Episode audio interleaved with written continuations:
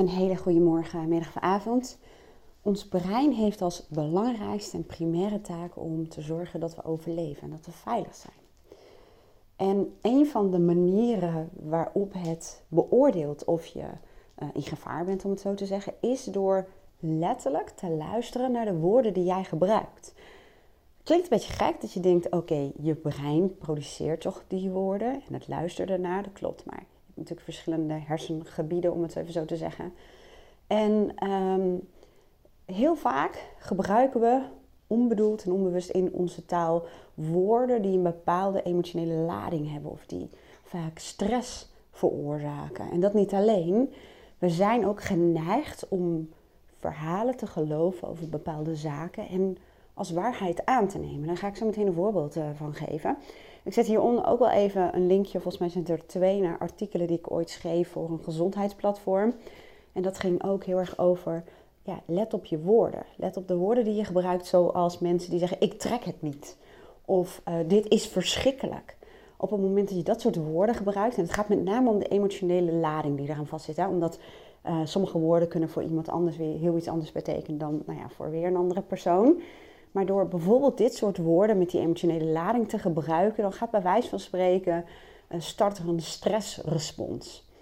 En, en zal het brein proberen om jou uh, nou ja, veilig te houden. Maar je zit in de stressmodus. En in de stressmodus, nou ja, dat, dat is goed als het functioneel is om het zo te zeggen. Maar als je daar te lang in blijft zitten, dan verstoort het allerlei mentale en lichaamsprocessen.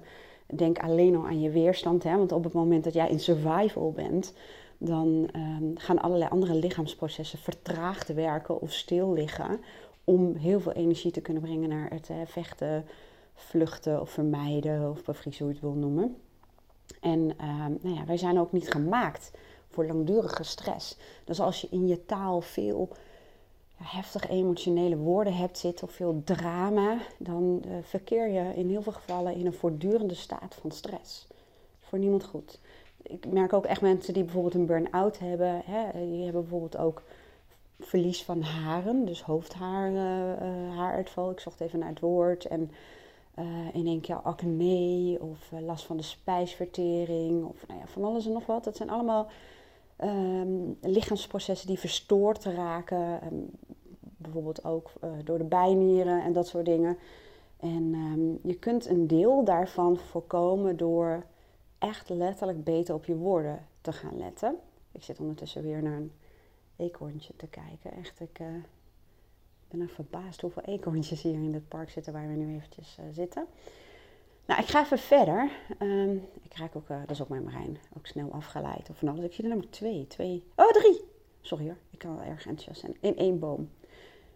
Goed, laat ik mezelf weer even terugfluiten naar waar ik was gebleven. Het brein die ons probeert veilig te houden, de woorden die je gebruikt. En ik vertelde je ook van het verhaal dat we vertellen. En ik zeg we, wat we elkaar vertellen over bepaalde onderwerpen. Net als dat um, verbouwen en verhuizen of nieuwbouw staat in zo'n lijstje. En volgens mij zelfs in de top 5 van meest stressvolle gebeurtenissen. En um, dat werd me de afgelopen tijd ook een paar keer verteld. En reken er maar op dat je brein dat opslaat. En dat als waarheid beschouwt. Want ja, het is immers uitgezocht, het staat in een lijstje. En daardoor gaat het brein het ook geloven. En die gaat mij dus feitelijk vertellen dat ik in een hele stressvolle um, uh, periode zit.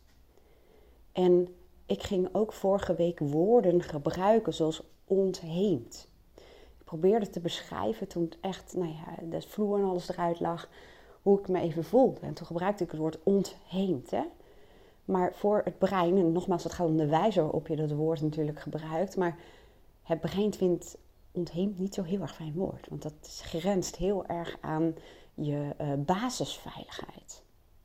En ik merkte ook, doordat ik dat meerdere keren had gezegd, dat ik gisteren weer in het huis liep. We gaan elke dag uh, naar het huis natuurlijk, meerdere keren. En um, um, nou, ik, ik, ik keek ernaar en er was zoveel gebeurd en, en het ziet er al zoveel anders uit. Maar ik merkte dat ik weerstand voelde. Weerstand om daar te zijn. En dat komt ook doordat mijn brein geladen is met bepaalde woorden en verhalen over deze situatie. En die zal mij bij wijze van spreken daar weg van willen houden. Hoe kun je dat nou oplossen? Nou, dat doen ze eigenlijk al in uh, bijvoorbeeld het leger. Je zult vast wel herkennen in films, ze noemen het allemaal op, dat, uh, dat, dat soldaten bijvoorbeeld als een hele lange tocht gaan doen of een training gaan doen, dat ze vaak zingen tijdens de tochten. En uh, dat heeft ook te maken met verbroedering, maar dat is ook een andere reden. Want op het moment dat het brein weet dat ze zo'n lange tocht gaan maken en het is uh, onbepaald hoe lang ze weg zijn, het is per definitie een zware tocht, zullen we maar zeggen, um, dan zal het brein normaal gesproken in de weerstand gaan en proberen die situatie te voorkomen. Alleen door te gaan zingen, dan geef je het brein uh, verwarrende signalen. Je verwart het brein door, want je gaat niet als iets stressvol is, niet leuk is, ga je niet zingen. Maar door wel te gaan zingen, dan geef je brein signaal dat er dus eigenlijk helemaal niet zo heel veel aan de hand is. En in die verwarde toestand, en uh, Marissa Peer, een van de uh, ja, Britse hypnotherapeuten is dat, en ik volg uh, trainingen bij haar, of ik heb trainingen bij haar gevolgd.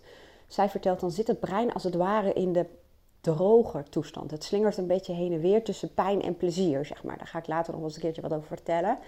Um, maar het weet even niet meer zo heel erg goed wat, wat is dit nou voor situatie. En daar kun je gebruik van maken. Sterker nog, je kunt het ook bewust gaan toepassen. En ik zal je ook vertellen hoe. Want er zit een soort scheidingslijn tussen um, dysfunctionele stress en functionele stress. Eustress en distress noemen ze dat. Ik kan eustress, weet ik nooit of het de goede uitspreek. Maar in elk geval, ik doe het maar even zo. EU en dan stress, eustress zeg ik maar even, en distress. En dat kantelpunt, de scheidingslijn, um, die is er. En je kunt van die dysfunctionele stress waar je last van hebt, dat is een beetje de verlammende stress, de angstige stress, de stress, ja, de verkrampende stress om het zo te zeggen. Je kunt jezelf trainen om naar de andere kant van stress te gaan. En dat is de functionele stress, de stress die jou in beweging houdt, die jou beter laat presteren. En natuurlijk is er dan nog steeds sprake van stress, maar dat is een mooie overgang naar een situatie die voor je brein weer veilig is. En hoe zal ik zal even voordoen. Die verbouwing, daar is dus nu een verhaal over verteld, ontheemd, onveilig dus ook. Um, ik ben in gevaar, dat klinkt heel gek, maar dat is wel wat het brein daaraan koppelt. En um, ik heb een verhaal opgedaan dat het in de top 5 staat van de meest stressvolle gebeurtenissen. En je hoort allerlei dingen erover natuurlijk. Hè? En dat is meestal uh, negatief. Nou, vervolgens, ik kies er dan bijvoorbeeld voor door andere woorden te gebruiken. Door mezelf, mijn brein dus eigenlijk, een ander verhaal te vertellen. Zoals een verbouwing is super opwindend. Het is zo opwindend om te kijken hoe dat allemaal verloopt. En elke dag wordt een beetje beter. En ik hou van avontuur. Dat is een van mijn belangrijkste kernwaarden. Ik hou van afwisseling. Ik hou ervan als een bepaalde sleur wordt doorbroken. En uh, ik kan lekker op verschillende plekken werken. Um, we hebben nu de afgelopen week in een uh, vakantiehuisje een paar minuten hier verderop gezeten. Daar heb ik gewerkt. Daar heb ik mijn coachklanten ontvangen die hartstikke leuk vonden en zo'n vakantiegevoel hadden. Um, ik, ik heb een andere omgeving. Andere omgeving zorgt bij mij vaak voor nieuwe impulsen. Um, ik heb heel veel wandelcoaching gedaan. Ik ben lekker veel buiten geweest. En elke dag dat ik opnieuw naar het huis ga, dan zie ik het veranderen. En ik kan me al helemaal een beeld vormen hoe we het lekker schoon gaan maken. Hoe we het zo gezellig mogelijk gaan maken. En uh, als de keuken er staat, dan is het fantastisch als dat er is. Ik red me wel. Ik maak het heerlijk schoon. En binnen de mogelijkheden die er zijn, maken we er een thuis van. Snap je dat als ik dit vertel, is een heel ander verhaal. En ik vervang ook vaak spanning door opwinding. En dat heeft een hele andere emotionele lading. En vertel ook jezelf, je redt je wel. Ja, we maken er samen iets leuks van. Het is spannend als we terugkijken op deze periode. Ik, ik zeg ook heel vaak, ik, ik hou niet van sleur. Nou, ik word op mijn wenken bediend, zullen we maar zeggen.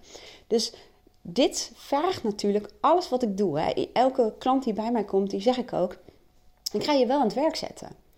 Het vergt wel wat van je. A, bewustzijn en twee, trainen. zonder dat je er iets mee gaat doen in de praktijk. Uh, waarbij ik wel moet zeggen dat er al vaak heel veel onbewust al verandert bij mensen. Dus dat is super gaaf, want ja, daar moet het uiteindelijk in terechtkomen in je onbewuste brein, zullen we maar zeggen. Maar je zult wel echt bewust moeten zijn, bewust bezig moeten zijn en jezelf echt moeten motiveren. En natuurlijk help ik daar ook bij, hè, want dat is een van de voorwaarden, motivatie. En die uh, ga ik samen versterken. Want ook als dat er niet is, is dat natuurlijk voor mij voer uh, voor de coaching. Maar um, blijf trainen. Dit wat ik nu aan het doen ben, dit vraagt natuurlijk van mij ook wat. Want anders ga ik op die automatische piloot. En op die automatische piloot draait een programma, een programma wat bekend is. En dat is het programma van in die top 5 la la la. Terwijl er zijn ook zoveel mensen die enorm genieten van zo'n verbouwingsperiode. Nou, daar zou ik niet per se helemaal heen uh, willen gaan. Of dat hoeft niet van mij, zullen we maar zeggen. Maar ik kan wel gaan uh, nuanceren. En andere woorden gebruiken. Ik, ik, zal, ik doe dat dus vaak door wat ik net deed, hè, een ander verhaal te vertellen. Letterlijk. Um, wat ik ook heel vaak inzet is rationeel-emotieve training, RED afgekort. Dat is een uh, methodiek waar ik ongelooflijk fan van ben. En dat gaat ervan uit dat niet de situatie uh, zorgt voor bepaalde emoties en gevoelens, maar je gedachten erover. De bril waarmee je er naar kijkt, dus perceptie, ja? de betekenis die jij geeft aan nou feitelijke situaties, om het zo te zeggen. En dat doen we de hele dag door. Daar is het brein ook voor gemaakt. Het brein is gemaakt om betekenis te geven, om in te vullen, zeg maar, dingen aan te nemen op basis van feiten. Die betekenis geven is ook van belang om um, dat je brein wil weten: is het gevaarlijk, is het veilig, is het gevaarlijk, is het veilig. Daardoor oordelen we als het ware de hele dag over mensen, situaties, dingen, noem het allemaal op. Alleen de pest is dat het heel vaak het grootste gedeelte van de tijd niet correct is. Het is beleving, het is perceptie, het is vaak irrationeel. Dus daarom gebruik ik RED, want RED helpt je te onderzoeken op basis van de wetten van de logica hoe rationeel jouw gedachten zijn over een bepaalde situatie. En het gaat er niet om dat je helemaal ombuigt. Het gaat er met name om dat je uh, kijkt. Eerst ga je het eigenlijk als het ware kraken om te kijken: oké, ja, dat heb ik mezelf wel verteld. Maar als ik er bewust naar kijk en ik stel me daarover een aantal vragen, kritische vragen, dan kan je al de kraak zetten dat wat je jezelf vertelde eigenlijk helemaal niet correct is. En wat je dan gaat doen, je gaat eigenlijk een meer helpende, een wat genuanceerdere gedachte ervoor in de plaats zetten. En dat betekent echt niet dat je dus nogmaals helemaal moet gaan ombuigen, want het moet ook geloofwaardig voelen voor jou. En dat geldt in zo'n situatie als de verbouwing. Je hoeft het niet te gaan bagatelliseren door te zeggen: Oh, het is één groot geweldig feest. Nee. Je kunt het um, heel ja, uh, ja, feitelijk maken. Van ja, een verbouwing betekent dit en dit. En uh, nou ja, geef daar invulling aan om het zo te zeggen. Maar het is ook opwindend. En we redden ons wel. Het is leuk om te zien. En we hebben ruimte om dingen vorm te geven. En het wordt elke dag beter. En er zijn allemaal vakmensen die zich daarmee bezighouden. En uh, juist ook door dingen die net even anders uitpakken, worden dingen vaak ook beter. Of krijg je andere inzichten. Dus um, dan ja, moet ik het zeggen, dan is het rationeel. Het hoeft niet een geweldig halleluja-verhaal te worden. Want het moet ook enigszins geloofwaardig blijven voor je brein. Nou, ik hoop dat je hier weer wat aan had. Als dat het geval is, dan um, zou ik het leuk vinden als je een reactie achterlaat. Uh, hè, wat, wat, uh, wat haal je uit de podcast? Misschien uit deze specifieke of andere podcast van mij. En op Apple um, Podcast kun je heel makkelijk een beoordeling achterlaten. Daar hoef je helemaal niet eens een tekstje voor in te vullen. Maar bijvoorbeeld alleen een aantal sterretjes mee te geven wat jij deze podcast waard vindt. Daar help je mij mee, want hoe meer mensen ik hiermee bereik, hoe meer ik mijn missie kan leven. En het kan natuurlijk zijn dat er mensen in je omgeving zijn waarvan je denkt: oh ja, die kunnen hier ook wat aan hebben. Dus uh, nou, deel het vooral. En als je dit luistert op YouTube, kijk dan even of je al geabonneerd bent. Dan weet je zeker dat je geen video's meer mist. Ik wens je een hele fijne dag en tot de volgende podcast. Doei!